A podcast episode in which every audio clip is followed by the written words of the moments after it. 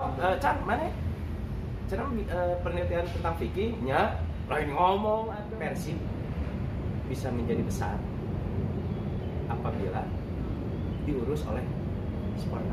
Waktu saya itu teh justru dulu teh berak viking, berak viking deui. Dan pertandingan balik digotong. Rada-rada sadar teh pasti sekre viking.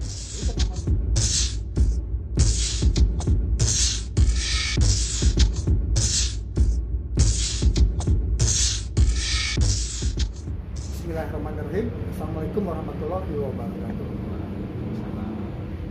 Eh, hari ini Mang Riki bertemu dengan Coach Icang atau Raden Faisal Abdillah. Bagi Ya, bobotoh yang belum mengenal beliau, beliau ini adalah sosok pengusaha, eh, MC juga, entertainer juga, dan yang salah satu yang Eh, kalau di anak-anak Bandung kenal, Coach Icang ini adalah seorang pelatih softball. Dan seperti hari ini kita berada di tribun lapangan softball Lodaya untuk berbincang dengan Coach Icang. Pada segmen kali ini kita akan membahas akan berbincang tentang dunia supporter yaitu supporter Persib Bandung. Sebagai pembuka Coach Icang ini adalah pada masa mudanya adalah salah seorang lagi masih murah. Masih marah kayaknya. salah seorang peneliti yang pertama meneliti eh, organ- organisasi supporter Persib Bandung yaitu Viking Persib Club. Penelitian Coach Icang ini Viking Persib Club. adalah untuk memenuhi tugas skripsi ya Skripsi di S1. S1 di jurusan antropologi Fakultas Ilmu Sosial dan Ilmu Politik 4. Tahun berapa beliau mengadakan peneliti- penelitian yaitu tahun 98 sampai tahun 99. 2000 kan? Sampai tahun 2000 ya. Sampai tahun 2000 2000. wisuda. Dari 2001 wisuda. Oh. Sidangnya 2000 akhir. Dan 2000 akhir berarti dilapis saja 2 tahun ya. Ya, jadi ke pas penelitian karena bentuknya observasi partisipan, Ya. eh, jadi terlalu larut. Jadi keasikan gitu di Jeng Bordak Viking. Ah, malah asik main sama teman-teman Viking. Ya. Ah. Karena pada saat itu Viking juga belum lama berdiri ya, baru sekitar 5-6 tahun ya. Ya, Nah, nah, udah lagi rame-ramena gitu ya. ya, ya, ya, Ah, ah, ah. mulai mulai rame. udah rame. Ah, sekarang yang pengen tentu pengen kita tahu mengapa Coach Icang eh, melakukan penelitian terhadap Viking Persib Club. Eh, bisa diceritakan ya, Coach, apa latar belakangnya untuk skripsi itu meneliti Viking Persib Club? Kalau latar belakang, saya mau ini dulu, mau ralat dulu hoax ya tadi Ah. Mang Riki. Kalau saya pengusaha bukan, kalau saya mah gelandangan, MC-nya benar, Ya. terus pelatihnya benar, entertainnya benar, kalau pengusahanya salah. Dulu pernah jadi pengusaha, gagal, jadi gelandangan ternyata lebih nikmat. Nah latar belakang saya kenapa harus meneliti eh, supporter dalam hal ini subjek penelitian saya Viking ya sebetulnya udah jelas karena terdesak wajib skripsinya iya. ngarah beres kuliah mas sarjana teh karena terpaksa eh, tapi saya pengennya melakukan penelitian atau bikin skripsi itu nggak sekedar formalitas. Yang make mana lah pakai HT apa yang saya suka. Dan saya sebenarnya awalnya nggak akan nggak akan Viking nggak akan supporter yang saya teliti persibnya tentang hubungan sosial yang terjadi di Persib tentang budaya juara. Tapi ketika saya survei saya coba datangin kantor Persib Itu masih di Bingan ya? Di Ketelatan. di Gurame, Gurame ya? sama saya coba pendekatan saya survei ke Yayasan Persib dulu kantornya di Sidolik Ya, ya, ya, ya. Nah di situ. Dan setelah saya survei awal, sepertinya ini tidak mungkin karena yang ngurus Persib itu seolah-olah eh, susah lah gitu, sigano fiktif gitu, sigano diurus ku juri gitu. Tahun 90 akhir tehnya tahun 98 teh 98, ah. Heeh. Itu jadi susah Pemkot. nemuin orang-orangnya. Pemkot kan berarti ya ketuanya wali kota beki hese deui kan di ya, ya, ya, ya. sementara saya kepentingannya hanya untuk skripsi. Ya udah saya gantilah. Kayaknya saya cek. Saya kan dulu sering nonton ke stadion. Ya, ya. kalau saya tuh didoktrin sama orang tua saya dari kecil itu nonton Persib jadi zaman dah zaman baheula mah Persib tuh terus iya lawan Persija Persija kan bubuk kayak 3-0 4-0 justru Persiraja saya ingat waktu zaman saya SD lawan Persiraja tuh yang lumayan berat gitu. Ya pasti Raja Banda Aceh. Banda Aceh. Bukan Persija dah. Makanya saya aneh nah musuh bubuyutan Persija dah. Lain gitu bang. Nah sampai saya tuh eh, latar belakang karena, kita ngomong latar belakang ya. Kenapa saya suka Persib? Dari kecil juga. Saya tuh begitu seneng sampai saya pernah jualan teh botol demi nonton kompetisi internal Persib. Jadi saya idola saya itu dulu kiper. Kiper eh, dia belum belum sempat masuk Persib senior. Pernah sih jadi cadangan Asep Isuda dari klub Isuda. Iya iya iya. Eh, kiper namanya Asep. Terus saya selalu memantau latihan Persib juga. Dulu mah can usum nonton Persib latihan tuh pagi-pagi di Stadion Sidolik Ya, ya. Stadion Persib. Makanya sampai sekarang saya terkesan banget dengan pada saat dulu saya nonton pakai sepeda sendiri ke Stadion Sidolik terus datanglah pemain Persib. Saya panggilin semua pemain yang lewat gerbang. Di Nah, absen ya. di absen. Robi ajat Ayo, oh gitu gitu dan nggak ada anak-anak lain gitu. Jarang yang nonton latihan Persib tuh Mas Suryamin. Dia nengok gitu. Balik lagi dia tuh. Balik deh kayak wah sepedanya bagus ya. Dirinya orang terkesan pisan gitu. Ah, jadi tambah kecintaan saya ke Persib itu tambah tinggi. Ternyata pemain apa lagi? Iya iya. Ada ada interaksi pemain dengan fans. ya gitu. Suryamin nomor punggung 5 itu mah tandemnya Adeng Wahyu eh Adeng Wahyudi Adeng Udaya Iya iya iya.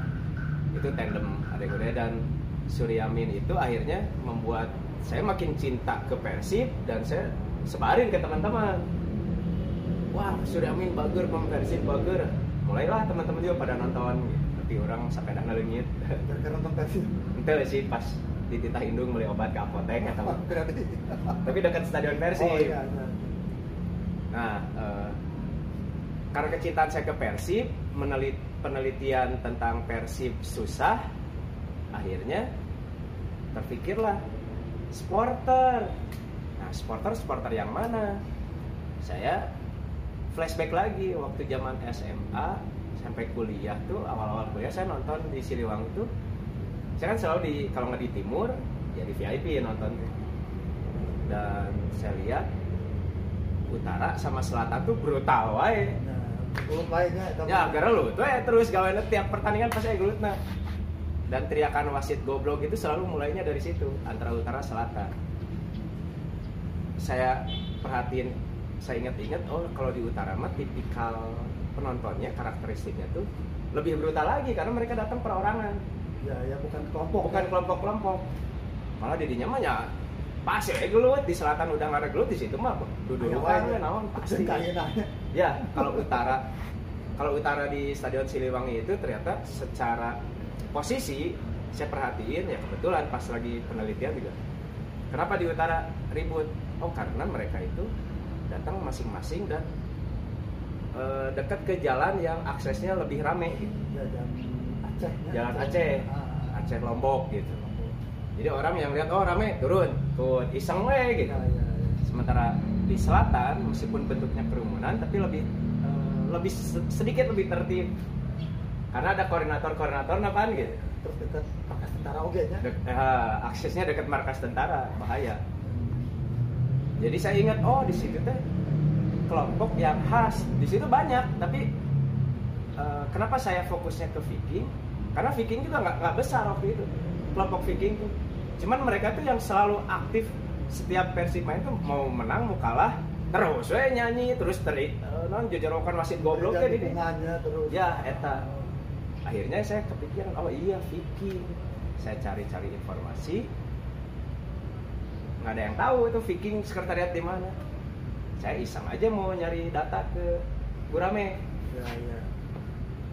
Nah di situ saya ketemu dengan yang namanya Yana Ewok sama Ayi Betik almarhum. Ya ya ya ya. Kang saya mau daftar kata saya teh. Ah, daftar eh, apa? Eh, sporter. Oh sporter mah Viking atuh. Oh iya saya daftar Viking aja.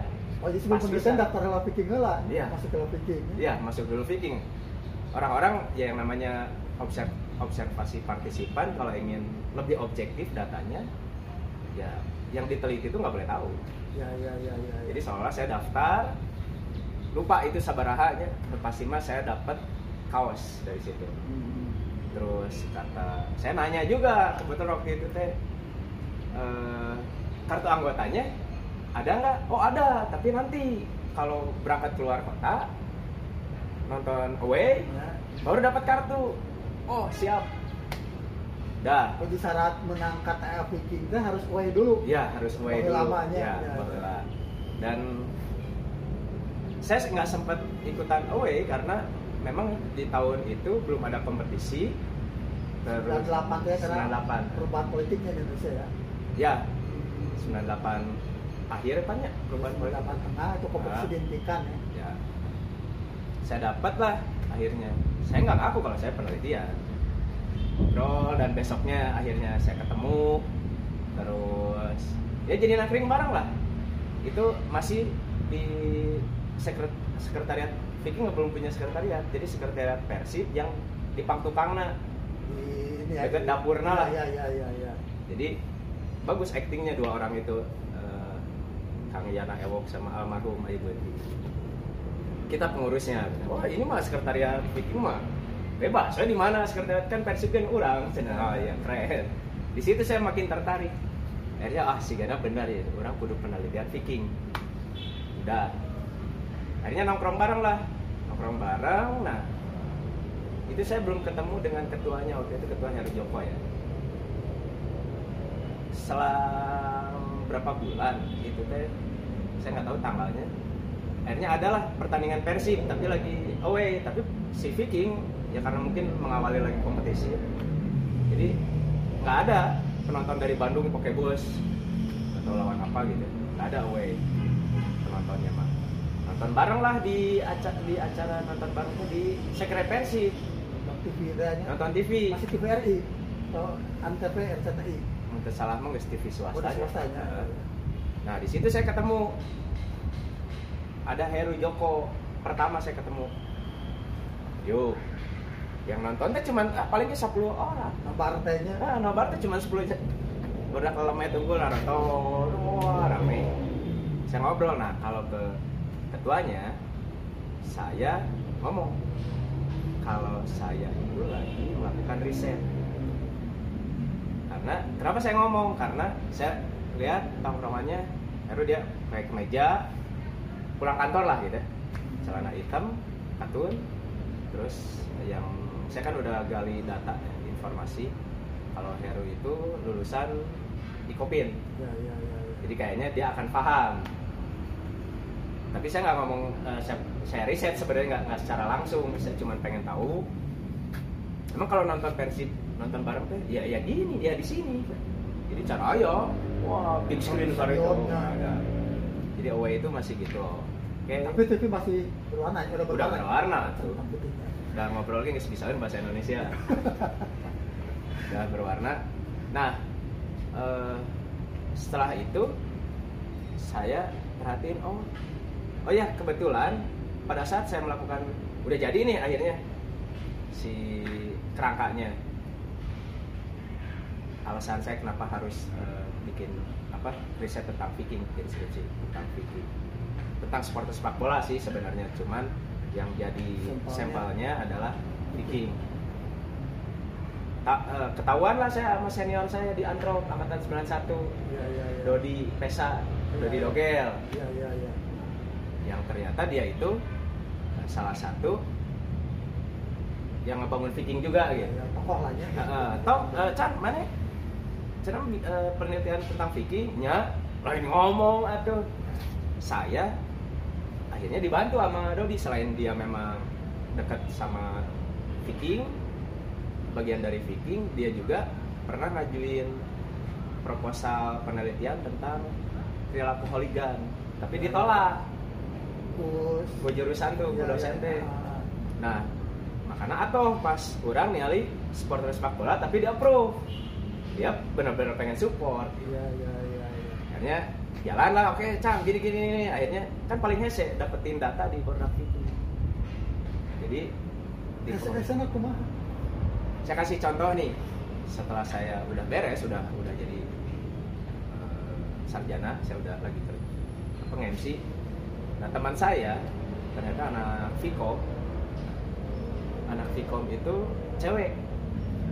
Dia skripsinya tentang komunikasi di supporter Iya, iya. ngambil sampelnya ya sama Vicky udah beres-beres dipacok lewe soalnya nanya kasih A jawabannya eh, opat misalnya nanya ke si B tilu Kasih. C robah deui. kasih C robah balik deui kasih A isu kanan teh Ganti deui di atas. ganti deui lain tilu deui dua Ya, ya ya, ya.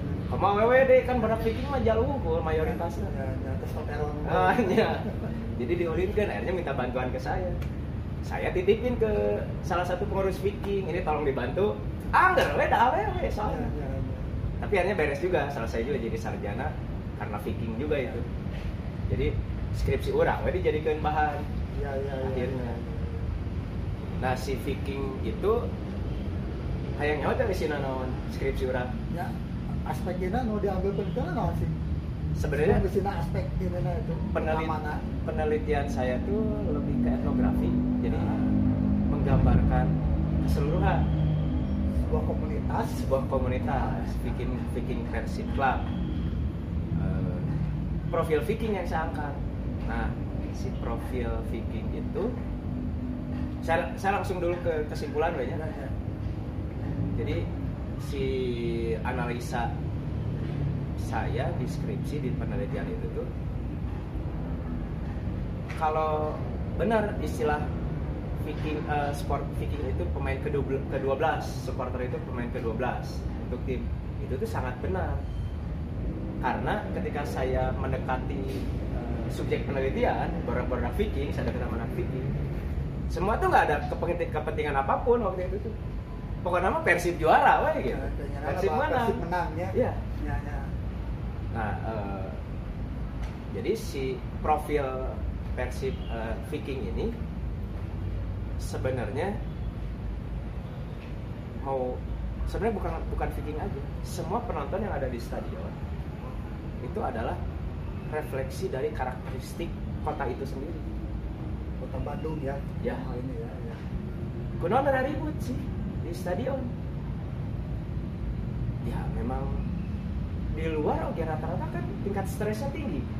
Ya. tingkat persaingannya tinggi. Nah di stadion mereka bisa mengekspresikan itu. Namun di luar ditewak ke polisi atau digebukan ke masa. Jadi eh, tribun stadion itu sebetulnya panggung buat berkompetisi sesama persona atau kelompoknya. Secara tidak disadari, Tidak disadari ya. karena motivasi orang untuk datang ke stadion itu macam-macam. Ya, ya. Yang pertama itu hiburan, Ya, ya, ya.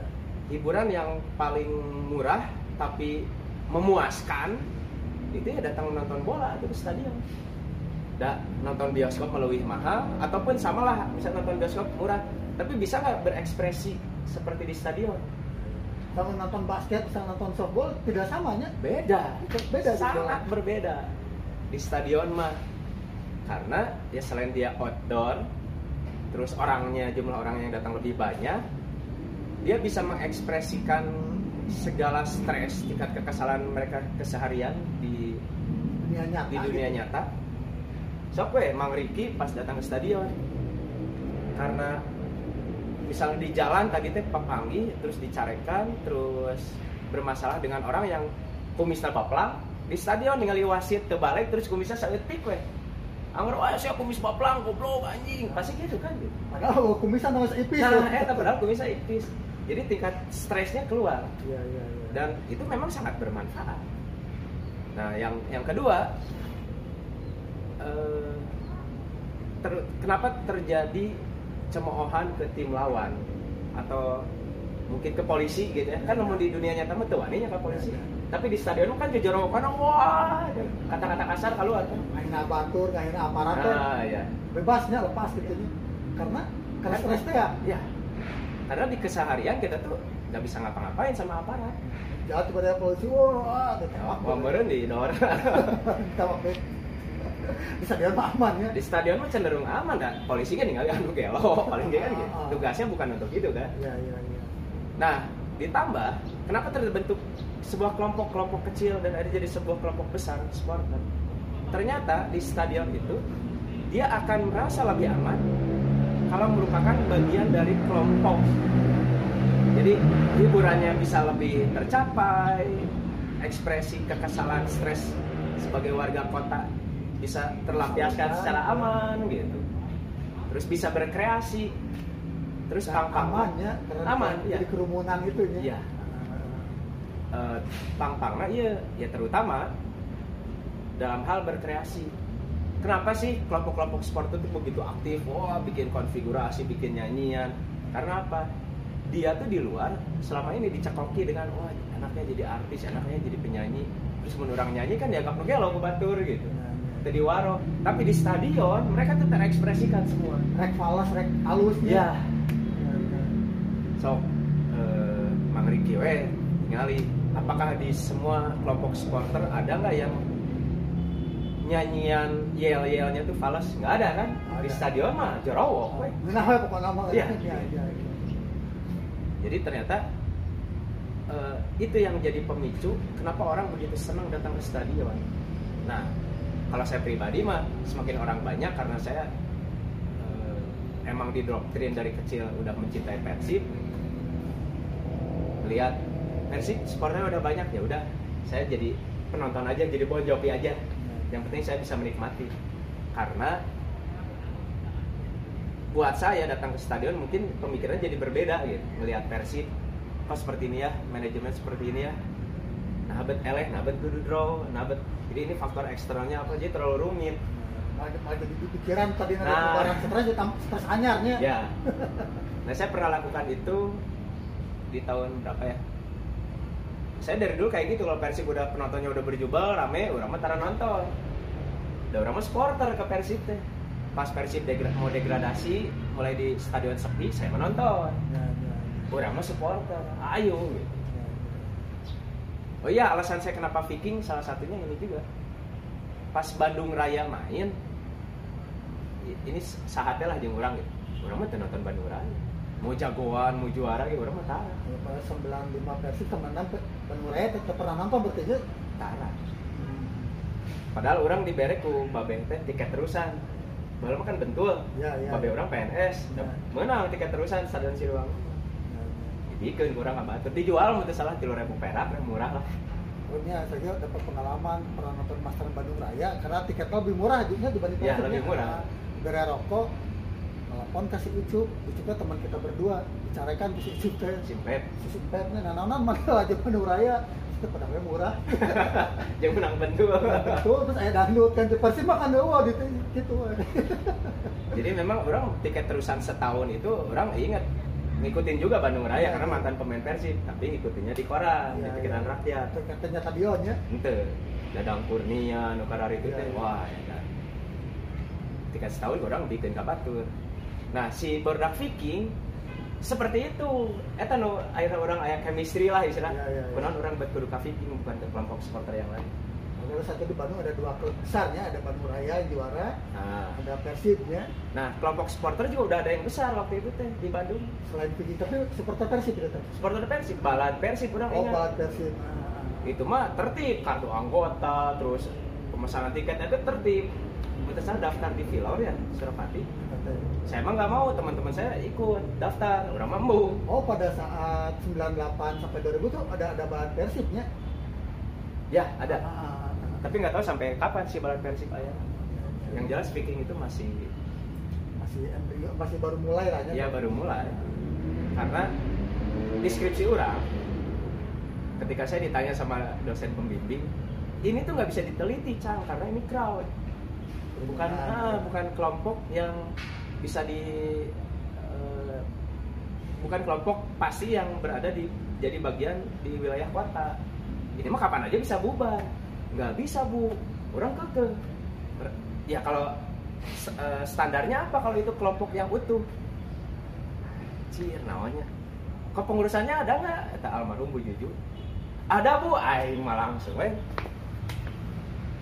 ke Heru Ru, iya ketua Heru Airi sekretarisnya sah saha jadi memang Kamu cek aja balik Pak Heru tuh masih baru ketua sosoknya. pokoknya mah sebenarnya ketua juga nggak penting pada Oh. saat itu teh Ah, gitu. ah, ah. Yang penting mah Heru sama Betik itu bisa mengordinir barudak gitu. Ya, ya, ya. Jadi secara secara organisasi umum cuma baru ada tokoh-tokoh informal ya. Ya, informal memang, Ah, tapi hari orang kan kudu skripsi, mana orang kudu Ya, ngulang deh ya. Kudu nu resmi kan ternyata. Akhirnya mereka juga mikirnya nah, emang selama ya nu berperan. Nah, peran itu ternyata sudah ada peran pengurusan. Cuman mereka belum belum memformalkan kalau ini bendahara, ini ini ini ini ini humas itu. Udah humas itu udah jelas sosok Ayi Betik almarhum tuh udah jadi humas. Mas masih pada saat itu ya. Humas Viking. Humas Viking, ya. Karena deket sama siapa-siapa. Ya, ya, ya. Terus Yana Ewok itu udah berperan sebagai sekretaris, semua data ada di dia gitu. Terus waktu itu yang saya ingat ya mungkin ada yang lupa juga. Jadi peran Heru sebagai ketua tuh memang memperlihatkan gitu dia sosok ketua gitu. Terus eh, anak-anak yang lain tuh nurut, rame gitu. Nah, di situ kayak yang ngeramein juga ada yang suka ngehibur tuh kayak Yana Umar, Dadan Gareng yang kayak gitu teh. Objeknya siapa? Mang Ayi. Jadi pinternya Ayi Bedik teh itu dia bi- bisa bikin suasana tuh jadi rame, selalu rame. Ya, jadi cerianya gitu aja si suasana tuh. Kayak budak gangster datang wae. Jadi bodor di Viking mah. Ya, ya, ya. dan istilahnya malah jadi apa ya mencairkan justru berbagai macam gangster masuk ke Viking di Viking mah jadi cair semua jadi bodoh gitu. Ya, ya. Gerang tukang bacok itu jadi jadi humor lah gitu. jadi mengurangi tin- tingkat intensitas perang antar geng juga salah dengan ada Viking iya, iya, iya. Jadi Viking itu pada akhir 90-an salah satu pernya selain mendukung support Persib sebagai klub gitu ya untuk meraih kemenangan di luar stadion juga dia mencairkan suasana panas ya kalau di Bandung kan banyak gangsternya ada A B C D E F itu itu begitu masuk Viking mereka cair ya jadi nah ya iya. Itu. Di Jen Bodor ya nah. Nah ini kelakuannya Heru Joko sama Aye Betik kan pinter sama Yana Umar Dadan Gareng kan. Pinter sebenarnya mereka tuh dalam membangun sebuah kelompok makanya begitu ngototnya saya kalau Viking ini bisa ya. eh, jadi subjek penelitian. Ini kayak eh, eh Mang Riki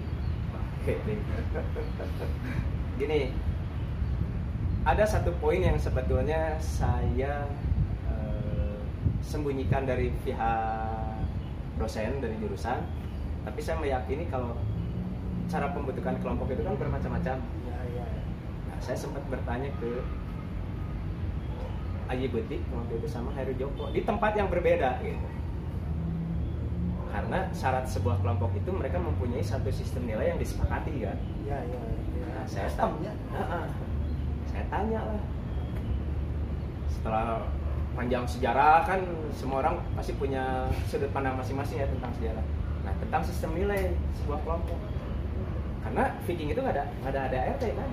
Ya, ya, ya. waktu itu tuh nggak ada ADRT pasti dibantai orang gitu ku dosen nah, saya tanya ke Ibu Tik sama Heru di tempat yang terpisah sebenarnya sistem nilai apa yang dipakai oleh kelompok Dua- dua-duanya jawabannya sama tapi dengan gaya yang berbeda.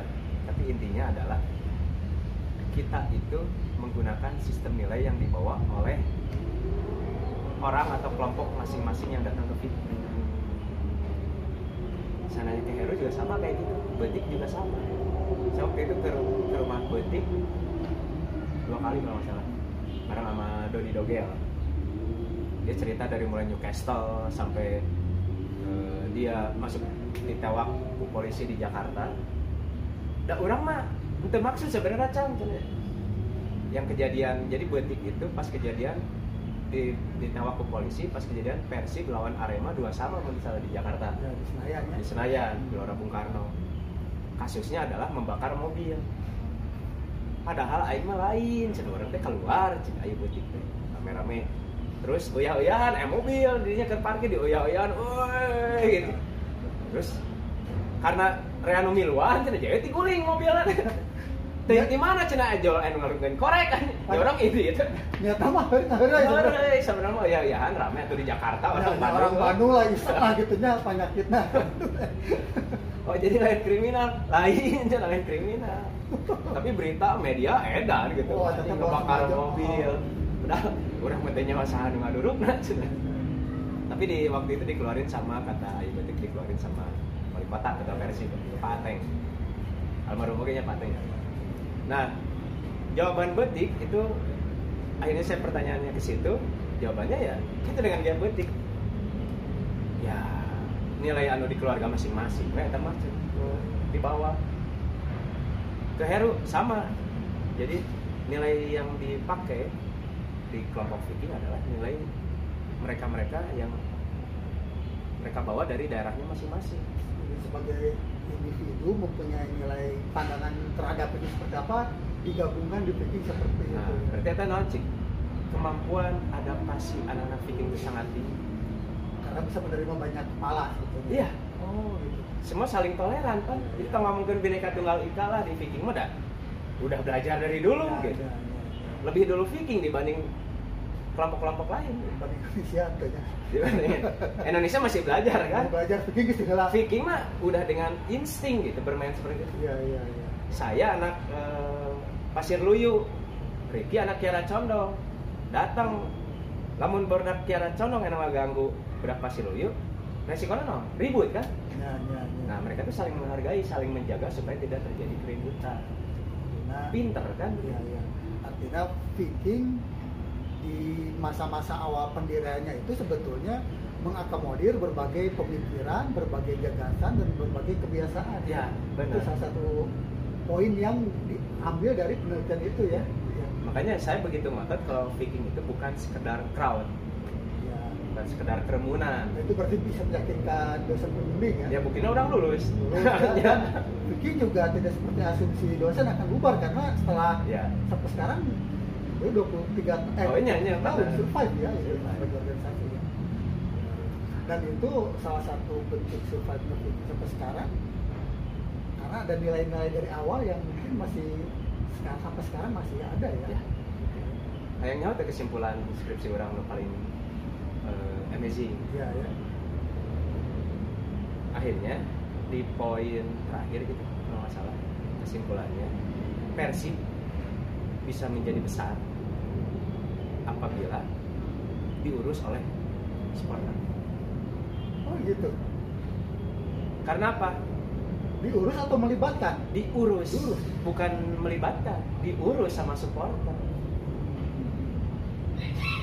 gini deh langsung aja kita lihat per- perbedaan Persib pertandingan Persib di Bandung nih ketika dulu sama sekarang pada saat ketua pertandingannya dipegang oleh Mas Bram. Nah, Budi Bram. ada salah jadi PT PBB lah ya saya nggak tahu apakah Bram itu sudah menjadi PT PBB atau. Oh, iya. Tapi pada saat Budi Bram itu Budi Bram itu kan anak gaul Bandung pada saat itu tuh ya anak kreatif dia bikin majalah bikin apa baterai skewoy Eh, ketika dia jadi ketua pertandingan kemasan pertandingan tuh atau sangat jarang terjadi kerusuhan. Ya ya ya. Karena Budi Bram datang dari Viking Pan dari supporter. Ya ya ya. Untuk cuma satu item aja dia yang ngurus itu udah lebih lebih enakan gitu ningali jadi karena Om Budi Bram ini berangkatnya dari Viking kemudian jadi bagian PT PBB maka pertandingan pertandingan Persib setelah itu ber- berubah dengan sebelumnya ya? Sebelum. Kemarin zaman perserikatan makan itu lah ya ya, kan brutal aja lebih edan ya, ya, ya. sampai di utara mah sebutnya kuburan kucing gak begitu aja. Gitu. nah eta. Di utara mah nah itu hayalan saya ya bukan hayalan ya, ya hayalan saya lah anggap. Jadi soalnya skripsi mah cuma syarat jadi sarjana aja. Persib itu akan besar. Kalau sekarang itu seolah-olah besar. Seolah-olah besar. Padahal mah enggak kalau buat saya ya saya pribadi sorry yang anggap Persib itu besar. Kalau buat saya Persib itu bisa jauh lebih besar dari sekarang. Gila yang urusnya supporter. Ya tetap Artinya gini. ya ya yang urusnya orang yang benar-benar mencintai Persib. Ya ya bukan sekedar eh, bisnis gitu ya. Ya bisnis itu akan muncul dengan sendirinya ketika ini besar. Ya ya, ya. Kayak orang pernah di sini beres ngelatih softball saya ketemu sama bapak-bapak lah sama ibu-ibu lagi makan bro lihat eh, saya tuh lagi ngebahas Persib sama si yang jualan. Dia cerita akhirnya dia tuh kerja di kepulauan Bangka Bangka Belitung. Oh di sana oh Persib kan saya saya oke cina orang dia kan? Saya kerjanya di, di sana. Kalau Persib main kantornya tuh di liburin bukan diliburin pulang dipulangin Ya, gitu ya, ya. pulang lebih cepat karena buat nonton Persib Nah, emang orang Bandung itu itu orang dinya di Bangka kayaknya iya orang Bangka asli itu bukan karena kesukuan suka sama Persib karena klubnya dia permainan Ya. sama namanya ya. Terus ya mungkin orang Bandung kan orang mah akan lihat oh orang Bandung gitu ya ramah gitu. Nah, ya, ya. mereka akan suka bodor gitu. Dan jadi ada di Persib itu juga mewakili identitas kota. Ya. atau kota mewakili identitas Persib? Enggak Persib mewakili kota dan etnis juga jadinya. Saya nanya lah ke Mang Riki. Jadi orang Bandung harus bangga ya? Ya. bangga secara kelihatan kebangga yang dibanggain sama Mang Riki itu naon sih? Dari Bandung. Jadi warga eh, di Bandung itu? Dari sekian banyak ya cuma Persib benar deh yang yang paling utama lah pasti Persib kalau sekian banyak naon sih nu sekian banyak kata aya tuh jujur weh anu real katingali ya paling misalnya kuliner atau hemat bangunan kuliner kuliner naon? Sama no sebelah kan punya Metagor sebelah bener eh, kebanggaan Bandung buatan Bandung? Lain sih. Lain jajanan we biasa itu mah Ya. campuran di mana kan? Ah, gedung sate itu udah ikonnya Jawa Barat. Iya, iya. terus Paspati Pasupati sok masang reklame di Pasupati pajaknya ke mana? Ke pusat. Ya, jembatan layang Antapani wae itu anggaran dari mana bisa ya. Iya, kementerian. Kalau kencari hitam, eranya tuh disebut Kabur itu tuh. Jadi kebanggaan nyata untuk orang Bandung yang terlihat itu memang pensi Iya. Bandung sebagai kota ya, sebagai entitasnya. Ya. jadi wajar lah ketika tahun sembi eh, akhirnya fenomena saya sempat menangkap fenomena Viking itu akan menjadi fenomena di tahun 2000-an karena gini setelah saya penelitian kepercayaan diri saya lihat juga kepercayaan diri Viking anak-anak Viking juga makin muncul semakin beragam karena waktu saya penelitian itu usia rata-rata anggota Viking itu 85% yang usianya 13 sampai 25 tahun. 13 tahun sampai 25 tahun. Artinya kan itu Udah SMP kelas iya dari SMP sampai kuliah, Ah, ah, ah. beres kuliah. Nah, mayoritas tuh 80% itu angka anggota Viking. Iya, iya, iya, iya. Demografinya seperti itu. Iya. Mereka belum ma- belum matang kan gitu. Iya, iya. Belum mapan, belum matang, gitu. belum punya penghasilan. matangnya si anak yang 25 tahun ini ketika masuk ke umur 30-an. Iya, iya. Ketika Heru Betik masuk ke umur 35-an gitu. Sebenarnya Malaysia matang, Ya. itu mem, mem- yang menjadi usia para pendiri itu mempengaruhi juga kematangan organisasi ya. itu sangat mempengaruhi dan saya juga sempat kenapa bilang fenomena juga saya sempat di radio-radio itu oh ya saya pernah dulu ketika saya udah punya baju Viking saya syuting Inong di Bojong Rangkong begitu senangnya dulu anak-anak Viking wah cang mana make dan ternyata Inong di Bojong Rangkong tuh banyak yang nonton tuh ya setelah dari situ saya ngelihat keberanian kan dulu saya juga di softball sering bikin acara tuh di lapang saya selalu ngundang anak Viking saya perkenalkan Viking terus ke dunia eh, kan yang lain mah mikirnya dulu tuh serem kalau lewat Gurame. Gurame teh. Ya gerombolan gitu. iya preman unggul. Nah mulai saya perkenalkan ke sini acara tahun baruan di sini ikut lelang Ayi Betik jadi bintang tamu saya bikin talk show kayak gitu ya. Mulailah diperkenalkan dan akhirnya boomingnya itu ketika saya ingat 2000-an itu mulai si radio-radio di Bandung itu salam-salam buat anak Viking ini anak Oh mulai muncul di radio. ya Film lagu zaman lamanya. udah bukan kelompok preman lagi gitu Viking Ya, itu ya, ya. jadi bagian dari warna kota Bandung Kota Ya. Bandung. gitu. ditambahlah 2001-an lah kalau nggak salah enggak kak Padahal tadi beres. 2002 gitu nggak beres tapi kan masih ada interaksi terus ya. kan Karena masih membernya, masih member Viking oke. resikonya obser- observasi partisipan itu kita melebur kan Iya iya. iya. jadi orang sampai kapan pun ya bukan Viking gitu Iya iya. iya. Eh, 2002an itu mulai TV lokal malah Lokal ya 2002 2003 lah. nah, itu makin akhirnya anggota Viking itu makin banyak gitu karena kebutuhan si TV-TV lokal ini merapat Ya, ya. Viking Karena ada komunitas, ada crowd, ada yang menarik gitu. ya. Pada saat itu juga tidak hanya Bandung berarti kan Vikingnya. Udah Ya. udah mulai ada luar Bandung artinya Garut, Tasikmalaya. tapi yang paling loyal itu Viking Jabotabek jadi selama saya waktu awal-awal penelitian di Viking Viking Jabodetabek justru yang Oh, Loyal, pada sangat 98 loyal. sampai 2000 itu Jabodetabek juga sudah ada ya Udah ada. Udah udah udah apa? eh, bukan embrio lagi udah udah udah, Sudah aktif ada. ya. soalnya pas Viking main di Siliwangi saya di, dikenalin sama Mang Ai Betik nah Cang iya Jabotabek Ayah bodas-bodas salam dari dari Sri Adi lah Bang Leo nggak tahu saya gua ngarana deh banyak kan ya. Muntah salah ya Bang. Nah, muntah salah. Oh, jadi nggak aja main di Silwangi budak Ja- Jabotabek meskipun 4 5 orang gitu satu mobil. Mereka tuh datang gitu. Walaupun cuma 4-5 orang pada Ya. dari Jakarta nya ke. Can Aya Jalan Tolnya masih kan lewat Oh iya, Jagorawi. Kan waktu lewat Oh, iya. Jagorawi Can Can Aya. Oh, nya can aya. Masih 4 jam 5 jam ya ke Bandung. Can aya. Jadi yang yang kalau saya memprediksi eh, apa Viking akan sebesar ini enggak. Tapi prediksi saya mah supporter atau Viking atau supporter itu kalau jadi yang mengurus Persib, Persib akan jauh lebih besar. Kayak MU kayak gitu lah. Nah, terbukti karena Wah Haji juga kan salah seorang Oh iya, iya Pak, Pakar aja. Pak Haji Umoy saya dulu waktu kecil se- sering lihat yang paling rame di tribun Ya, VIP. Wah Haji itu ya. Nah, tukang babagi. Nah, ada bonus, ada bonus gitu. Nah itu artinya terbukti kan artinya supporter walaupun diwakili oleh Pak Haji Umut pada Nah, iya benar. Mem- memberikan kontribusi terhadap klub ya Ya. karena ada kecintaan yang tidak bisa dinilai dengan uang. Ya, betul. Bukan dinilai dengan uang.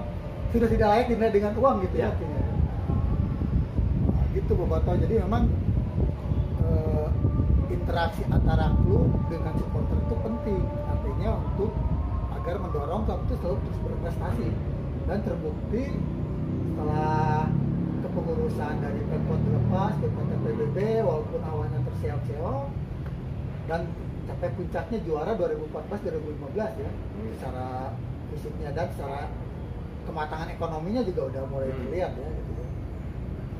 Ada kejadian menarik ya. Eh, Waktu saya ngobrol sama pengurus Persib ada masa itu ya pada masa itu. Eh, enggak enggak. Skripsinya udah beres. Udah beres. Udah sidang ya Udah udah sidang. Terus saya tuh pernah ada Kopaji Samsu. ya ya saya dapat job nge-MC Kopaji Samsu pertandingan Persib lawan Alak. Piala Indonesia ya pokoknya sampai ke Indonesia Nggak apa lah ya. eh akapnya kan ada liga akapnya iya. Bapak di Samsung. MC Anta udah nah pas saya mau dilunasin bayaran saya datang ke Burame ke kantor Persib ngobrol lah sama pengurus Persib wah saya tadi Ciwitan gue saya Eko mau jadi ngejelek-jelekin oh bisa ayah mah Eko maunya ayah ayah ada Eko mau bis jorang harita itu itu Oh. bagus bagus bager kena kan jorang cuma Ekonya jadi si pengurus Persib itu terus ngejelekin Viking bukan ngejelekin ya maksudnya Kaganggu gitu. lah, kaganggu Kaganggu. Viking, gitu. Ah. jerah hati orang teh mana justru mun eueuh Orang Viking nggak ada apa-apanya sih Persib jadi bukan bukan Viking dalam arti organisasi ya karakter supporter yang seperti Viking. Bakal ditinggalin. Dah elehan lah ya Iya, iya, iya. jadi si Eko mau di tukang nyewitan weh nyanya cicing. Nah kumahanya ya udah biarkan karena kenapa eh, si pengurus itu bilang seperti itu? Karena dia nggak cinta sepak bola. Dia nggak cinta Persib. Pengurus Persib tapi tidak cinta Persib. Ya. Berarti ironis atau dia berarti cinta naon atau kan cinta iya cinta bati mungkin itu Berarti oh nya Persib harga batin dan Oh dari dulu bisa aya gitu sebenarnya namanya aya wae. Oh dia meng- mengkritik supporter dianggap mengganggu perjalanan klub. iya. Waktu itu dia ngomongin apa ya? Eh, ya banyak lah sampai akhirnya. Naon-naon atau atau musuh aja gitu. Padahal kan musuh itu itu hanya sebuah simbol. Kayak misalnya eh, Viking Jack Mania terus Aremania Bonek terus The Jack sama Persitaranya karena itu itu kan hanya simbol ekspresi masyarakat eh, bukan sama tim sepak bolanya sebenarnya dengan kondisi dirinya sendiri ya. kondisi perkotaan Iya, saat iya, itu iya. gitu. Jadi eh, perselisihan antar supporter itu bukan hubungan tidak dengan klub tapi dengan bukan sekedar itu gitu. tapi juga dengan eh, apa namanya tata kota Iya. gitu ya kehidupan masyarakat di Iya. kotanya dan dibawa jadi persaingan antar kota ya. Ya. Jadi memang ada nggak sok kurang mana nanya we anu eh, supporter klub A yang di Pulau Sumatera musuh sama supporter klub, B yang ada di Sulawesi ayat tuh Samanya nggak ada. nggak ada selalu tetangga Ya, tetangga atau satu kotanya. iya Ya, ya. selalu berdekatan itu artinya bukan masalah klubnya tapi masalah keseharian lingkungan Lingkungan. masing-masing kota ya. Ya. Nah, hal ini juga menarik berarti kalau di Jawa Barat ada banyak klub tapi tidak berselisih. Hmm. kayak Persib jeung PSGC, Persib Persika gitu. Tapi kenapa nggak nggak tidak berselisih? Atau karena satu rumpun, satu etnis Sunda? bukan masalah etnis tapi lebih ke kalau di sini semua di orang Jawa Barat kan didoktrin ku kalau karena naon mana kudu beki Persib Ya, ya, mau dia orang Ciamis orang Garut bener tuh ya, ya. Jadi lulusannya tuh ke Persib ya. jadi saya hebat saya hebat hebatnya pemain PSGC Kak, pemain Persib mah hormat pasti Dan kondisi ini berbeda eh, Boboto dengan kondisi misalnya di Jawa Tengah atau Jawa Timur di mana kota-kotanya banyak klub sepak bola, semuanya berprestasi dalam artian punya ya. masing punya masing-masing masa dan sampai sekarang itu perselisihannya besar. Ada konflik apa? Konflik identitasnya besar.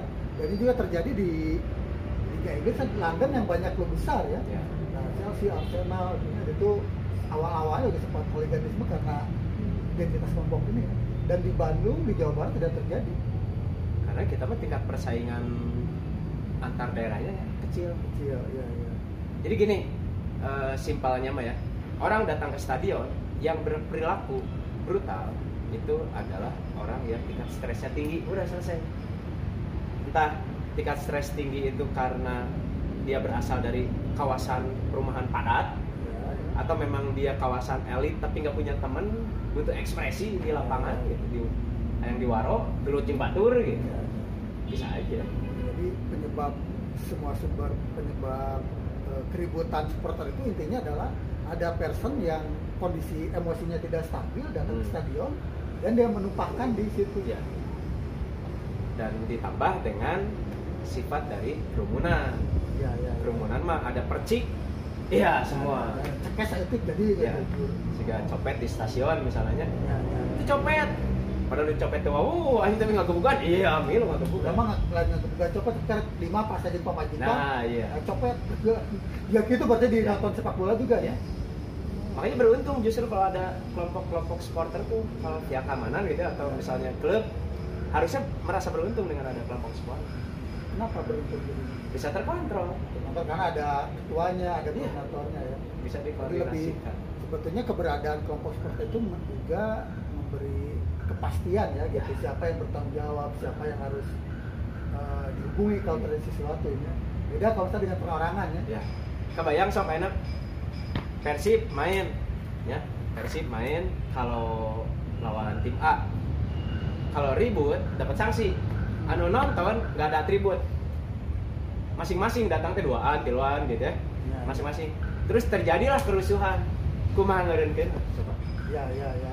sandur ditewaknya Nah. ya uluna nya wah begi edannya sih karakter di Siliwangi mah di Tribun Utara, Utara. ya, ya, karena di utara itu banyak kan perseorangan jadi susah dipegang ininya ya. Oh, stres lagi macam-macam Iya, gitu. Iya, iya. dan menarik juga ini Bogoto kalau sampai sebenarnya sampai di Jalak ya bahwa di utara itu memang lebih crowd karena di sana juga banyak kalau dulu personal sekarang di utara tuh paling banyak kelompok Hmm. ultras ada hooligan ada casual ada viking juga ada perseorangan kan tiketnya lebih murah kan gitu dibanding timur Hmm. ya kalau di selatan ada bomber di timur ada viking Nah. di barat juga karena ekonominya lebih mapan untuk lebih redam Ya. gitu. tapi kalau di utara beda lagi dan itu tidak, ter- tidak terjadi dari hari ini ya berarti dari situ Ah, selama dalam kurun 2 tahun penelitian tentunya kan kan larut pisan nih Hmm.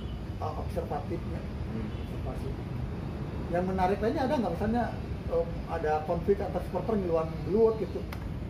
Apa ngiluan bebalai dogang gitu terbawa suasana? Kalau waktu saya itu teh justru teh budak viking ya budak viking deui kata harga tehnya budak viking ya budak viking deui di, di tribun tuh di tribun. Itu viking masih di selatan. Ah. Itu masih sedikit lah orangnya ningali itu pas awal Mang Odoy almarhum ya jadi dirijen. ya, ngomong. ribut istirahat ribut. Orang di luar ningali ke. Udah ternyata salah paham gitu ya. Udah. Dan memang terbiasa tidak terkoordinir adaptasi itu gini kan karena awalnya tidak tidak terkoordinir begitu dalam masih ego masing-masing ya itu teh udah mulai belajar nyanyian eta teh. Si. Heeh, si Viking yel yel nah tapi akan pak kusut kan ya tapi kayak udah udah mulai. Ayo nertibkeun tapi kasar kasinggung. Oh nu aneh. Masih ada. Masih ada. Udah tapi itu berlanjut di luar nggak?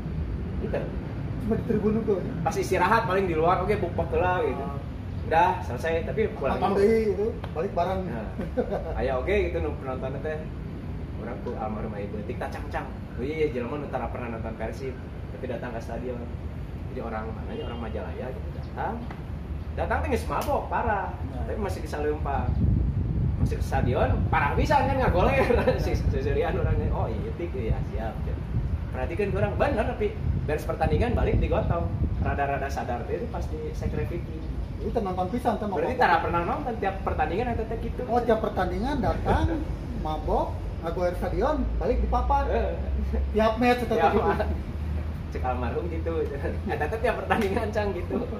Tapi saya tetap cinta pisan ke Persib iya iya ini berarti kan lain masalah pertandingan di lapangan. Ayo. kebanggaan. Banggaan datang walaupun kondisi eh, kesadar lah gitu.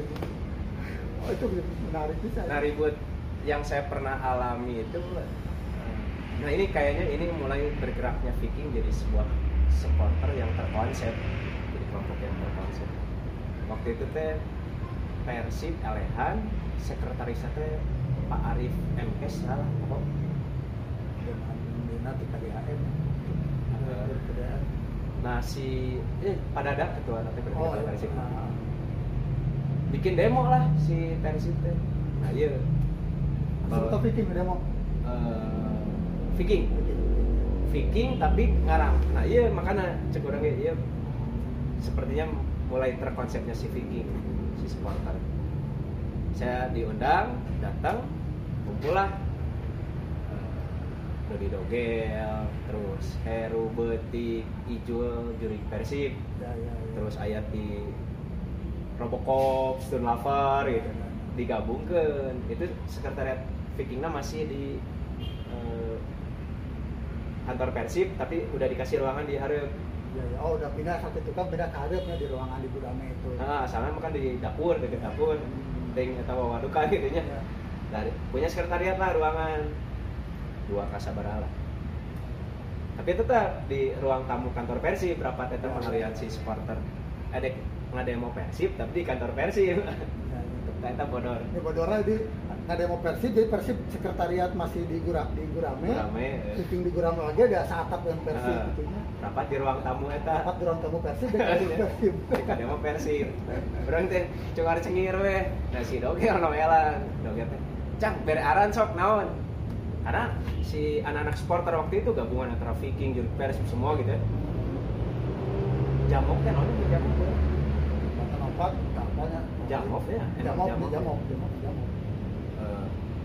Akhirnya muncullah istilah oke mendingan tong make ngaran Viking tapi make ngaran aliansi Bobotoh Bandung gitu. Jalan lah lempang kurang Tigo Rame Long March ke balai kota. Tapi dirinya ke skenarian ku si Dodi sama Heru sama Betik. Nanti kita harus siap-siap tempur sama kan mahasiswa mah jeung polisi urang mah satpol pp ya berarti kan tahun segitu aja salah Ya, pada ya, ya, lapangannya. ya, ya. terus yang demo. Siap siap. Anjing dek kuliah ya ini keren nah terus nyala spanduk gitu mana teh wah sehari. Besok pagi nah mulai lah long march. Nah aja deh lempang long march kudu ngalewatan BIP cina. Jadi di skenario nya gitu kan. Nguruling, jadi nguruling atau tidak Nguruling. te- te- te- langsung ya? Langsung. Lewat lah BIP joget lah di BOP. Heeh. jangan oke di BIP guys siapnya siap. Anjing berarti si- siap nya siap. Iya perang. Jadi satpol pp kita datang ke balai kota si gerbang teh dibuka we. Oh ini ngajagaan Ya. proses we nah kieu nya teu rame. Oh berharap bentrok ternyata itu teh sekitar 30 orangan lah. Hmm. seutikan oke sih. Ya, ya. akhirnya diterima lah sama si eh, Pak Wali bukan sekretarisnya. Eh, ya sekretaris persib oke kan. Ya, ya. terima dah eh ntar ada. Iya namanya juga kerumunan gitu maksudnya emosi anak muda. Kayak bentrok oke dah. Sesama supporter dan tapi dikeprokan atau ke pegawai negeri nah jadinya. Tilu Bentrok mah gelut gitu oh. Jadi bisa. Oke nggak demo asik pegelut lah internal lah Eh, bisa aku Heru gitu ya, ketua bisa bisa geus. Ya emang lucu gitu nya. Karena mana nama demi Persib si berdak supporter aja teh soalnya lain gitu ngumpul. Bos, audiensi aja Pak Arif eta teh aduh audiensi terus foto bareng engko demo dia foto bareng kumaha teh? Aing teh bingung cacang dia minum foto. Yang salah aing lah aing minum foto. Cuma teh nah jadi memang selama idenya ya simpel orang ya si barak supporter iya si barak viking iya lamun dia dikasih kesempatan ingin membuat persib seperti apa sih? Wah edan lah. Ya ya ya ya artinya memberi peluang supporter untuk membangun klub itu bisa lebih bagus karena ada kecintaan di situ ya. Ada totalitas ada loyalitas. Nah, itu terjadi kalau di luar negeri ada klub San Pauli. Nah, San Pauli itu klub yang juga dikelola supporter. Hmm. nah, ada degradasi gitu. Untuk musim kemarin-kemarin teh sempat degradasi. Ya artinya kia Mang Rikinya jadi memang semua akan eh, mendapatkan porsinya yang pas ya, ya. tapi tapi janganlah persib dikuasai pure bisnis Ya, ya. karena jujur we orang mah kebanggaan ke persibnya luntur ketika jadi PT Ya, ya. ah selain kebanggaan Bandung deui karena yang namanya bisnis mah kan sifatnya universalnya global gitu ya ya ya dari keuntungan lah ya. Bisa aja si PT Persib ini dibeli sahamnya saham mayoritasnya dipegang sama Aremania misalnya ya ya ya kan atau dipegang sama yang benar-benar supporter dia mencintai klub Bali ya, misalnya ya. pada lebat duit dibeli ke batu ya cuma ya. karena uang Ya, gitu. ya. sebenarnya nggak apa-apa tapi mungkin akhirnya sisi kebanggaannya hilang gitu jadi memang jadi hasil dari riset Kuci Icang ini dalam dua tahun bahkan tidak setelah di dua tahun eh, peran supporter itu penting bahkan terlibat di pengelolaan agar tidak terjadi penyimpangan ya Mhm. misalnya di open publik tiba-tiba eh, eh, dijual sa- bentuk saham jual saham ke masyarakat sahamnya dikuasai oleh orang-orang yang tidak mengerti sepak bola nah ya itu tidak mengerti sepak bola, tidak mencintai Persib cuma karena uangnya ingin beranak pinak ya di Ya. klub itu ya. Itu kan jadi sangat tidak bagus itu ya. kecuali memang ya controlling ya harus tetap ada gitu dari supporter Ah, karena controlling minimal ya Ada yang untuk mengawasi prestasi klub itu di luar keuangan gitu ya. hmm, di luar keuangan Jadi seperti itu tetap berfungsi untuk mengontrol eh, kemajuan klub itu prestasinya ya. Jadi tidak hanya sekedar uangnya gitu ya. Artinya tekanan untuk juara Ya. Jangan takut berkonflik lah karena banyak manfaat juga di balik konflik itu. Mau pas saya misalnya supporter aja yang pengurus ada demo dari supporter ya jangan apa ya jangan dianggap memusuhi gitu. ya jangan yang memusuhi itu karena saling melengkapi. Dan pengurus saya lihat juga manajemen Persib makin ke sini tuh orang-orangnya makin profesional makin cerdas gitu bagus. Tapi bukan tandanya si bagus ini tidak perlu dilengkapi oleh hal-hal yang selama ini udah support gitu ya. Salah satunya support, eh, supporter gitu. Jadi kita harus dirangkul dan diberi porsi untuk memberi masukan ya ini Ya. menjadi salah satu. Ah gitu Bapak lumayan panjang ini ceritanya. Temen terus mah ya mah dua poin aja mau beres broken versi mah gitu nih Eh, dan jadi oh ya judul skripsi naon tuh coach. Orang mah saklek judul skripsi lagi. Hmm? profil Viking Persib Club profil bikin versi Club. unggul sih itu judulnya itu sebenarnya itu studi kasus tentang kelompok supporter sepak bola di Indonesia jadi Viking Persib Club studi kasus tentang supporter sepak bola sepak bola di, di Indonesia. Indonesia. Deskripsinya berhasil mengantar Coach Ican jadi sarjana dan menjadi pionir dalam penelitian supporter sepak bola di Indonesia khususnya Viking. Hmm. Tepat nilai non? kan orang mah lulus lagi 7 tahun jadi nggak boleh A ya. Nah, jadi harus B maksimalnya. kita beda. Nah, Jadi kalau di antropologi sama di sastra juga sama rata-rata 14 semester. Kita eh, dewanya. Dewa. prestasi lamun. Tujuh setengah tahun malah orang. tahunnya lamun dari gancang tidak prestasinya. Ah, iya. tapi licik nanya jadi temenang A. Nah, eh licik kata resiko orang. Ah, terus eh, misalnya ada teman-teman boboto yang ingin baca skripsi itu bisa didapat di perpustakaan antropologi atau di fisik. itu eh lo gitu Lingit gimana jadi skripsinya? saya itu pas lulus jadi harusnya di hardcover Ya. hardcover terus diserahin ke kampus terus eh, ke perpustakaan dan akhirnya dapat surat biar bisa nebus ijazah Ya. nah ijazah itu ijazah saya nggak diambil lagi Sampai sekarang. Akhirnya dibawa orang pas tahun 2008 Delapan. Kampusnya. itu pas orang dipaksa kudu nyen surat lamaran gawe. Lah orang bung oge saya ambil lah. Tapi tapi itu skor skripsi. itu maya we. Ya, ya. biasa. Seru orangnya gitu. menang ijazah. Transkripnya mana pak? KSBA tuh. Jangan. Oh transkrip lagi. Hanya baik dah emang orang niatnya saya nggak butuh ijazah gitu.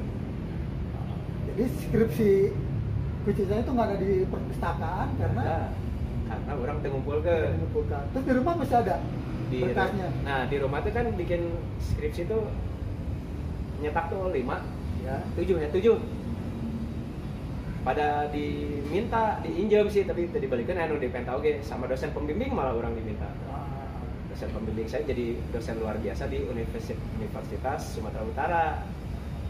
Ternyata dia ada mahasiswanya yang kasusnya mirip sama saya penelitiannya. Dia minta dikirim saya kirimlah sampel di pokoknya nah sisana berarti genap.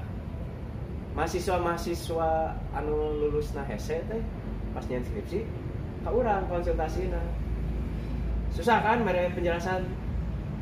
Kurang geus tah ieu contohna dibikeunnan ke balik deui Jadi bikin ke teman-teman ke junior buat bahan penelitian selanjutnya lapor lah nya. lapor Soft copy kamu dari ketik kan udah zaman komputer kan tahun Ah. 80-an. Eh, tapi pakai disket Udah disket kene Ah. ya.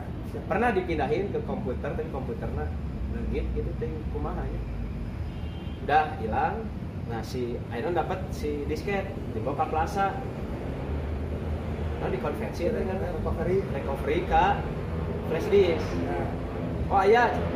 Flash disk. Pas dibuka flash disk. Oh iya. Alhamdulillah pas dibuka. Itu filenya draft. Nah draft skripsi.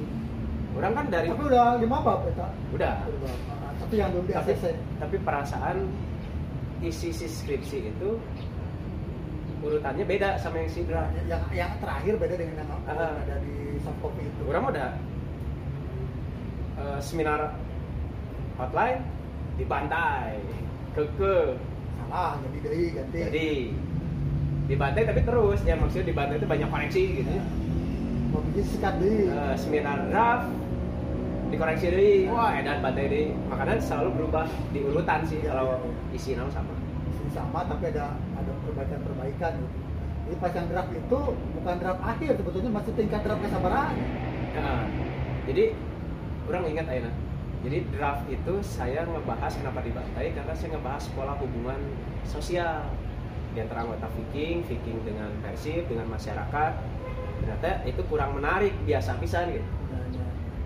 akhirnya saya pakai fungsionalisme konflik orang ingat fungsionalisme konfliknya teori teorinya Louis Koser jadi orang pakai grand teorinya itu. Ngebahasnya itu. Tapi di draft itu mah belum isi QSR itu belum. ya nggak fokus ke situ fokusnya ke pola hubungan sosialnya. Oh jadi karena zaman baheula lama masih terbatas teknologi hard copy dibagikan soft copy error Hmm. di draft dulu oh tapak tapisan skrip itu ayah draftnya sih potongan draft nang ini. Ah, tahu gua.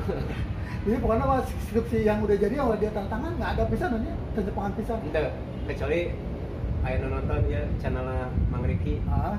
Udah antrop udah pernah minjem skripsi orang bisa tuh dibalikin deh Oh tadi buat teman-teman antrop angkatan setelah Isang berarti angkatan 94 tadi ya Ya. yang pinjam skripsinya Isang tolong dikembaliin karena anu nulis lagi terbuka. Tapi ada orang merasa merasa asik di Vikingnya itu gitu yang cukup. Tulisannya asal terpenting.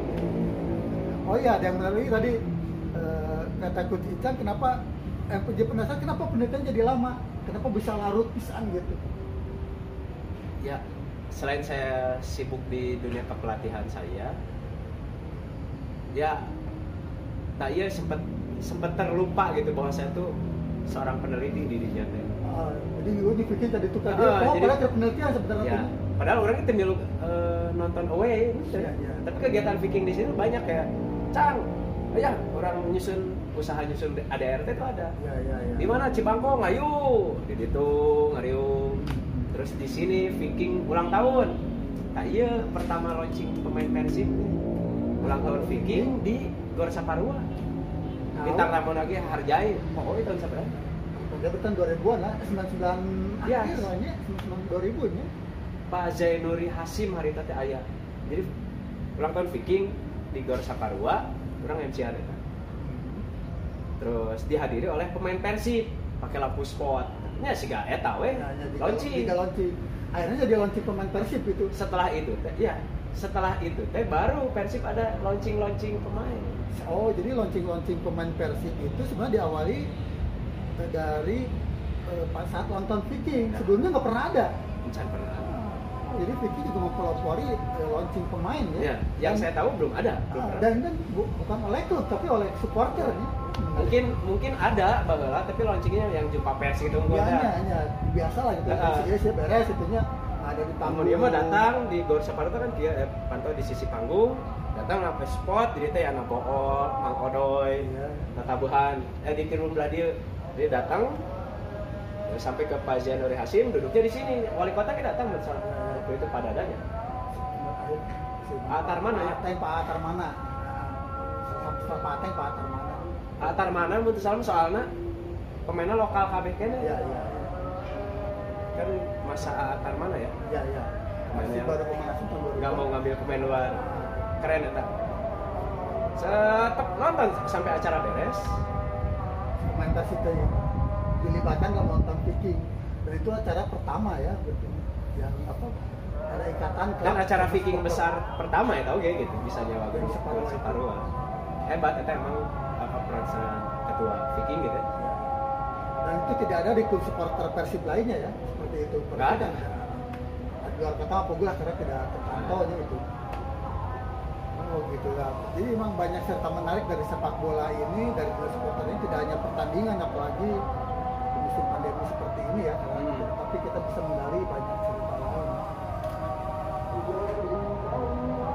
asik lah pokoknya Nah ini yang ngalarin aja ada terus ngobrol. Ini lagi ada nasar. Sebelum saya juga sudah selesai dengan segmen ini. Jadi eh, saya tidak menarik kesimpulan, tapi berharap teman-teman yang menonton bisa menarik benang merah menarik Ica uh, bisa bisa mencari menarik dari pembicaraan dengan Coach Icang ini. Ya ini bahwa supporter itu keterlibatannya dengan klub itu sangat penting dan memberi dorongan untuk berprestasi.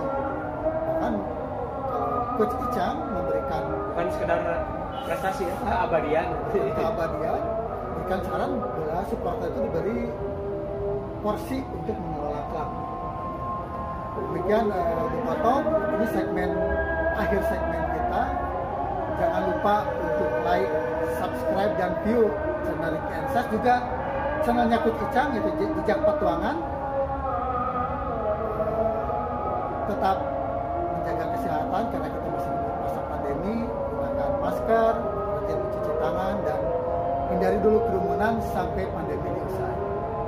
Demikian Bobotoh. Assalamualaikum warahmatullahi wabarakatuh.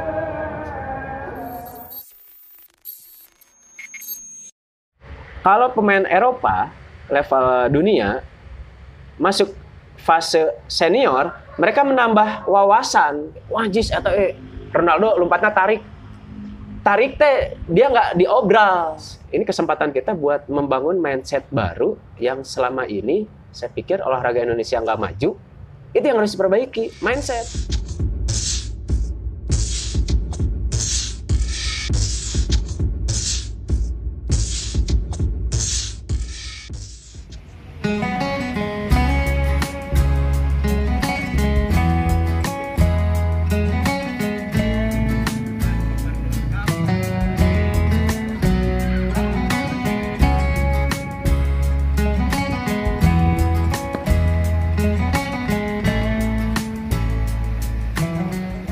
Assalamualaikum warahmatullahi wabarakatuh. Waalaikumsalam. Ah, setelah tadi berbincang cukup panjang dengan Coach Icang mengenai Persib, mengenai Viking Persib. Turunnya ngomongin Ah, Persib jeung tidak akan Viking. susah. akan, tidak akan sulit berhenti. Alhamdulillah sudah selesai. Dan segmen pertama membicarakan Viking da- dan Persib sebagai eh, subjek penelitian Coach Icang untuk mengambil gelar sarjana antropologi di Unpad tahun 2000 yang lalu. Ah, sekarang eh, saya masih ingin menggali masih berhubungan dengan olahraga karena Coach Icang ini adalah eh, sempat menjadi pelatih softball Jawa Barat dan menjadi juara Pelatih baseball, pelatih base- baseball juara satu ya juara satu pas junior. junior ah, ah, juara satu junior dan sekarang menjadi pelatih softball di klub Doberman ya Jawa Bermain. dan yang menarik kita akan berbicara adalah hubungannya pandemi dengan eh, prestasi olahraga atlet di masa yang akan datang. Karena kita tahu pandemi yang eh, kita alami hari ini yang sebut tidak pernah kita bayangkan sebelumnya karena kita dunia kemarin pandemi, dunia akan seolah-olah terhenti dari porosnya dan eh, pandemi ini mengubah sepertinya akan mengubah banyak hal termasuk dunia olahraga. Eh, karena dunia olahraga apalagi olahraga profesional itu mengu- mengundang kerumunan yang sementara kerumunan itu juga menjadi salah satu cara si penyakit COVID ini berkembang biak. Ah, yang men- salah satu yang tertimpa apa terkena la- dampak langsung pandemi selain olahraga profesional juga olahraga lainnya karena banyak atlet-atlet yang terpaksa mengurangi porsi latihan bahkan berhenti. Nah, untuk membahas apakah pandemi ini akan apakah pandemi ini menjadi berkah atau sebuah kutukan bagi dunia olahraga, kita akan berbincang langsung dengan eh, Coach Icang sebagai pelatih softball karena eh, softball ini salah satu juga yang berhenti aktivitasnya eh, karena pandemi ini sep- seperti kita tahu sekarang saya berada di lapangan Lodaya yang biasanya rame oleh para atlet berlatih sekarang sepi gitu ya biasanya Iya. banyak gadis-gadis softball yang berlatih sekarang tidak ada. Nah, Coach Icang, eh, apakah benar sih si pandemi ini akan ke depannya akan membuat apakah akan membuat kualitas atlet secara skill, secara stamina berkurang atau bagaimana? Kalau saya lihat kurang atau lebih itu kan relatif ya. Ya. Standarnya mau ngambil dari standar yang mana. Nah, masalah prestasi juga dengan adanya pandemi, saya pikir perlu dibahas. Nah, sedunia juga sama. gitu. Ya, Mendingan kita balikin lagi aja fungsi olahraga itu apa.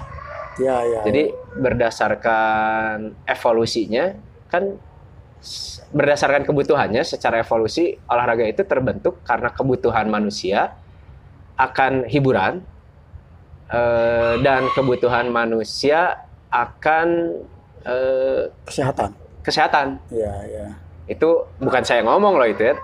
Kalau nggak salah, eh ayah deskripsi orang oke ya teteh. Parsudi Suparlan gitu, seorang tokoh sosiolog Ya, ya, ya. dari UI salah almarhum. Jadi dalam setelah olahraga itu berkembang, akhirnya muncullah olahraga sebagai hiburan dan olahraga sebagai kompetisi. Ya, Jadi ya. terbagi dua. Nah, apabila kita ngomongin olahraga secara keseluruhan dipengaruhi oleh pandemi, saya pikir nggak berpengaruh. Karena olahraga itu bisa dilakukan di mana pun. Dan Ya. itu udah insting manusia. Ya, sarwalah modelnya sih yang bisa mesin cuci, ciklah pandemi mah pakai dikucek, Ah, ah, biar ah. bergerak. gitu. Ya, ya, Orang ya. itu butuh bergerak. Nah, kalau untuk secara prestasi, saya pikir nggak akan berpengaruh juga.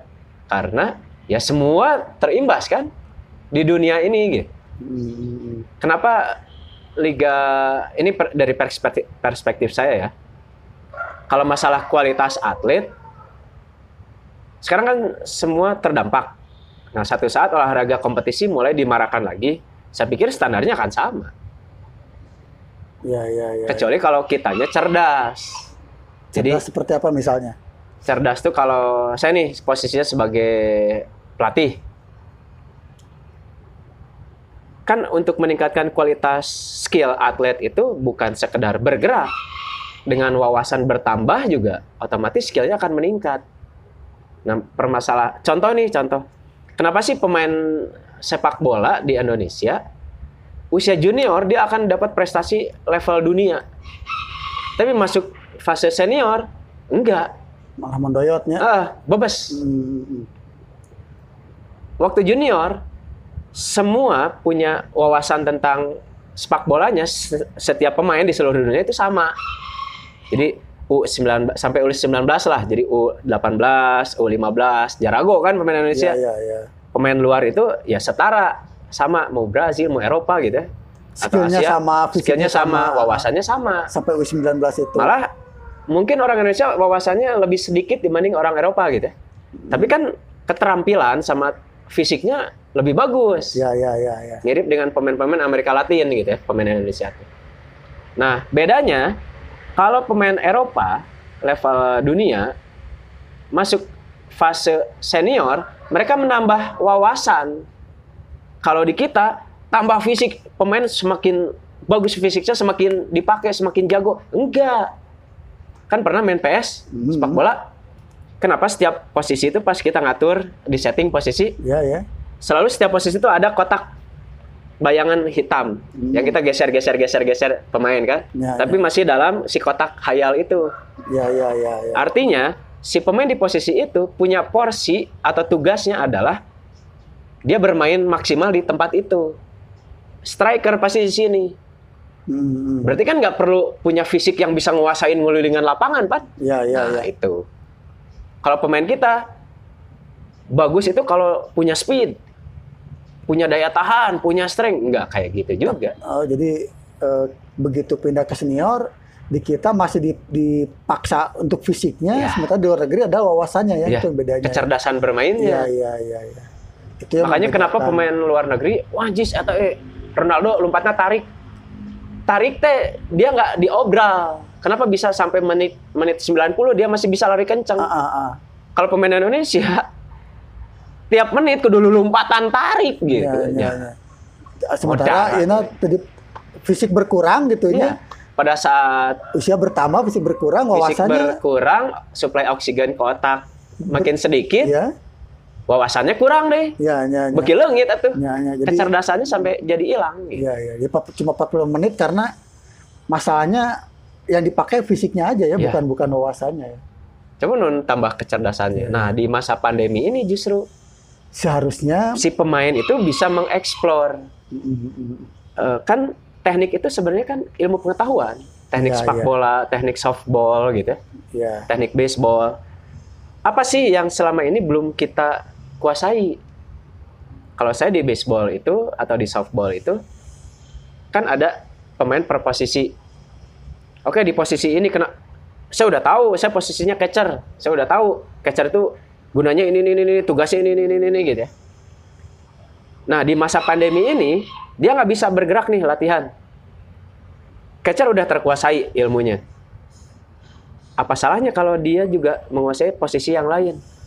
Secara wawasan akhirnya dia bisa tahu kalau saya bermain seperti ini akan maksimal kalau si posisi jauh lebih maksimal kalau si posisi ini juga maksimal maksimalnya seperti apa seperti apa seperti apa jadi bisa nyambung gitu. Iya, iya.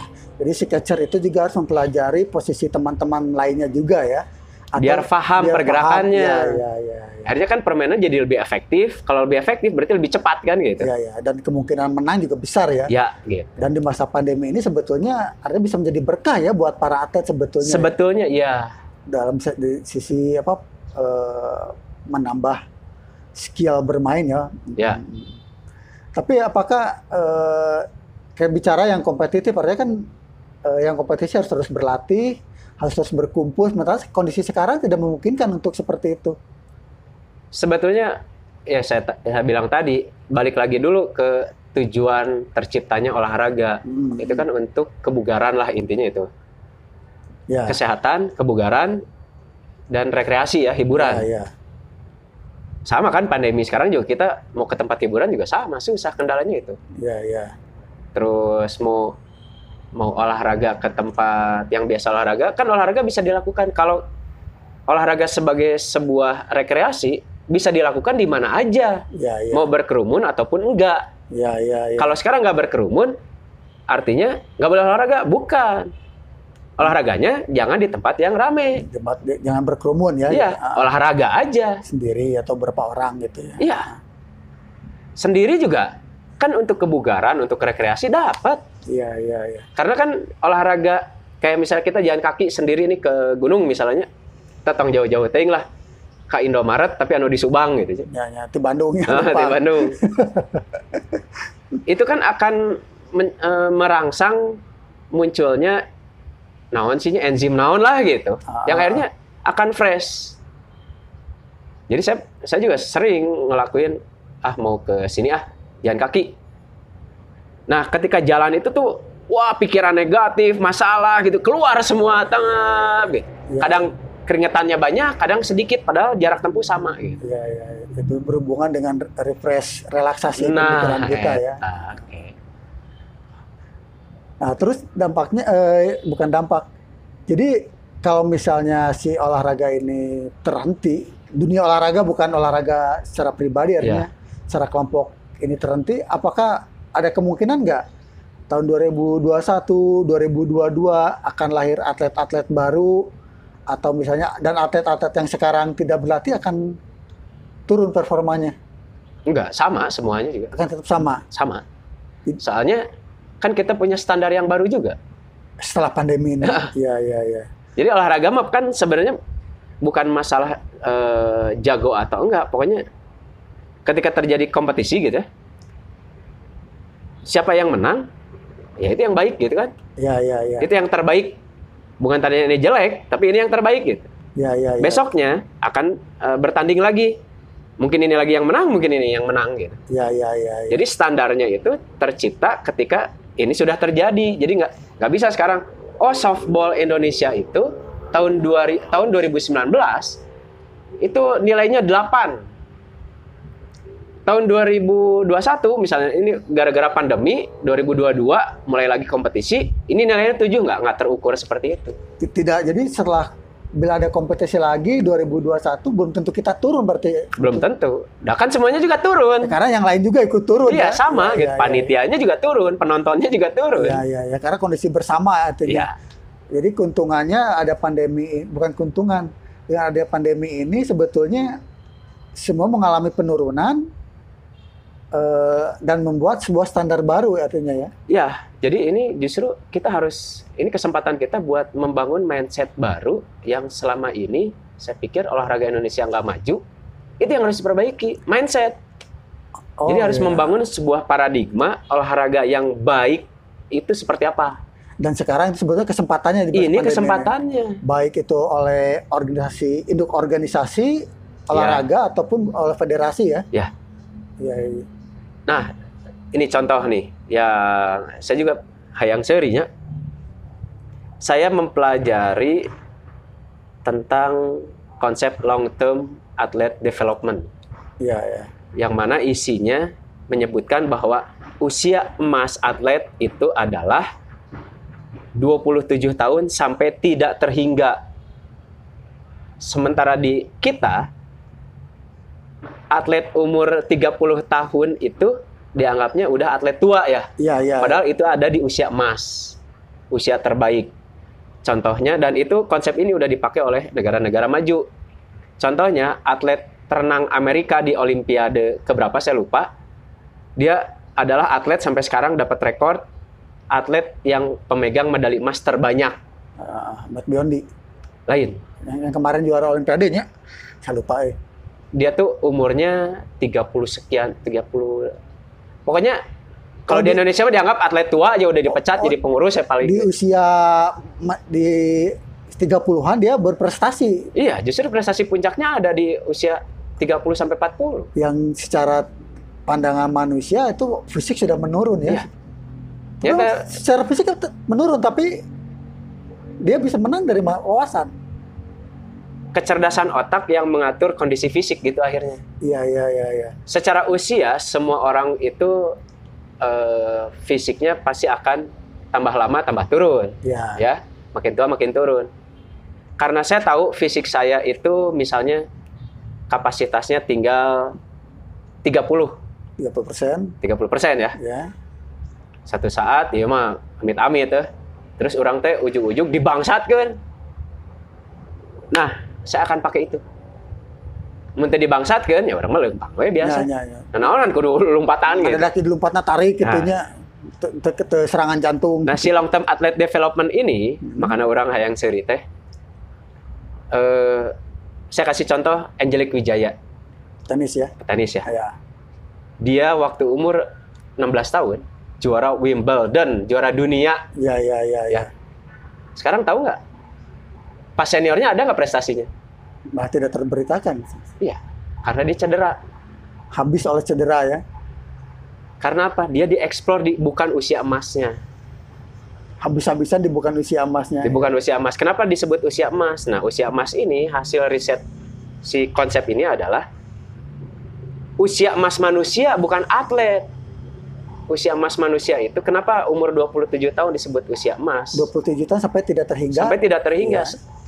Bagaimana eh, apa? Tergantung dari kemampuan dia merawat ke sananya mah. Umur usia emas itu orang akan lebih bijaksana. Jadi ini perkembangan psikologisnya. Iya iya iya. Di umur 27 tahun ke sana, orang itu akan lebih bijaksana kalau dia punya kemampuan. Saya kasih contoh.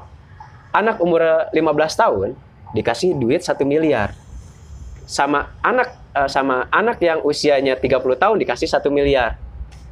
Dua orang ini, dua usia ini akan berbeda pemanfaatan uangnya. Iya iya iya. Kira-kira akan lebih lebih efisien yang usia mana? Nah, itu kan. Iya iya iya iya. Nah, jadi Dengan kalau misalnya 15 tahun ini sama-sama sebelumnya tidak punya pengalaman memegang uang yang banyak, dikasih uang tapi tetap berbeda hasilnya ya. Iya iya iya. Nah, di kita itu tuh orang ma- masih sedikit termasuk si para ahli, entah orang-orang ya profesor atau dokter, ahli olahraga di KONI. Itu masih sedikit yang menguasai itu. Long sementara itu ah, ya. sementara saya dapat dari mana? Googling. Untuk LTA itu. Orang dibedanya ke si Ucup. Eh, enggak. Long term athlete development teh ucup cupi gitu nu ngabejaan nggak tahu anak oh ya ucup cupi tapi eh, hoki ya. anak hoki Ah, ah, ah, ah. saya dikasih tahu Cang ada ini browsing oke saya googling tek tek tek tek tek tek. Itu tahun 2006 eh enggak enggak ya 2000 ya 2006 Awal-awal jadi karir pelatih ya. Mm-mm. Itu awal sih orang dari 95 jadi pelatih teh. Iya, iya, iya. Pelatih ini. Nah, saya googling tak, udah saya pakai nih, saya manfaatkan tak, saya saya aplikasiin dalam dunia softball, tapi ya banyak juga yang nggak menerima karena tertutup lah gitu. Iya ya, berbeda awalnya ya. Iya. Ah, Nah, eh, tapi beberapa tahun kemudian tahun 2008 2009 kalau nggak salah dari dari Bandung dari Indonesia ngirim orang ke Australia untuk mendapatkan ilmu itu pendidikan gitu ya. Ya. yang dikirim itu dokter yang kayak gitu lah orang olahraga pas saya tahu dapat berita oh materinya ini ya googling we padahal mah gitu Ya, ya, ya. gak usah ke Australia sekolahnya Dan di internet sudah tersedia semua bahannya ya. Iya, Tinggal betul. diaplikasikan sarananya. asal kita pinter milih-milihnya juga gitu yang tepat ke Hmm. eh, apa masyarakat kita seperti apa gitu Iya, iya, iya. metode apa Nah, terus artinya dari pengalaman membina atlet dengan long term atlet development itu diaplikasikan misalnya di, di masa pandemi seperti ini masih bisa nggak? ya masih bisa. Tuh sangat sangat bisa Masih justru. justru banget bisa. saya pernah bikin pemain bagus. Jadi gini pemain bagus. Ko- konsep saya ngelatih itu saya kalau saya mah gini ya. Saya ngelatih itu saya ingin memberikan yang terbaik buat pemain. Eh, dan itu adalah amalan saya buat yang di atas. Iya, iya, jadi iya. bukan bukan untuk wah akhirnya mana saya jadi pemain ke orang dan rata-rata pemain yang saya latih dan di- saya itu akan bikin bukan bikin dia jadi jago bikin dia jadi open minded Iya, iya. jadi iya. pinter setelah pinter itu menguasai teknik apa pun mudah makanya penekanan saya kalau ngelatih itu lebih ke saya memperhatikan individu meskipun saya ngelatih misalnya tim itu ada 15 orang atau 18 orang saya kalau ngelatih itu capek karena saya harus memperhatikan satu-satu. Di 18 orang itu personalnya satu-satu di, Ya. di, di- detailing bisa Ya. berarti ya. ya saya pernah dapat sampai saya pernah dapat protes dari seorang pemain. Sekarang jadi pelatih bagus di Jakarta. Kang kenapa sih?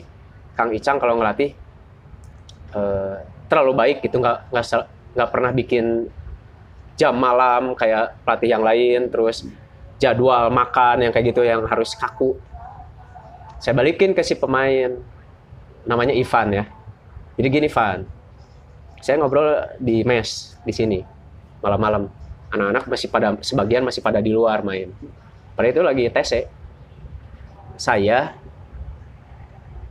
cuma bisa memperhatikan. Tapi kan kalau kayak kalau kayak gitu si pemainnya nggak akan sadar-sadar. Gini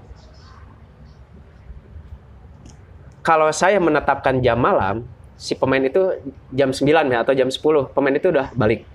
Tapi dia nggak sadar dia balik istirahat jam 10 itu untuk apa?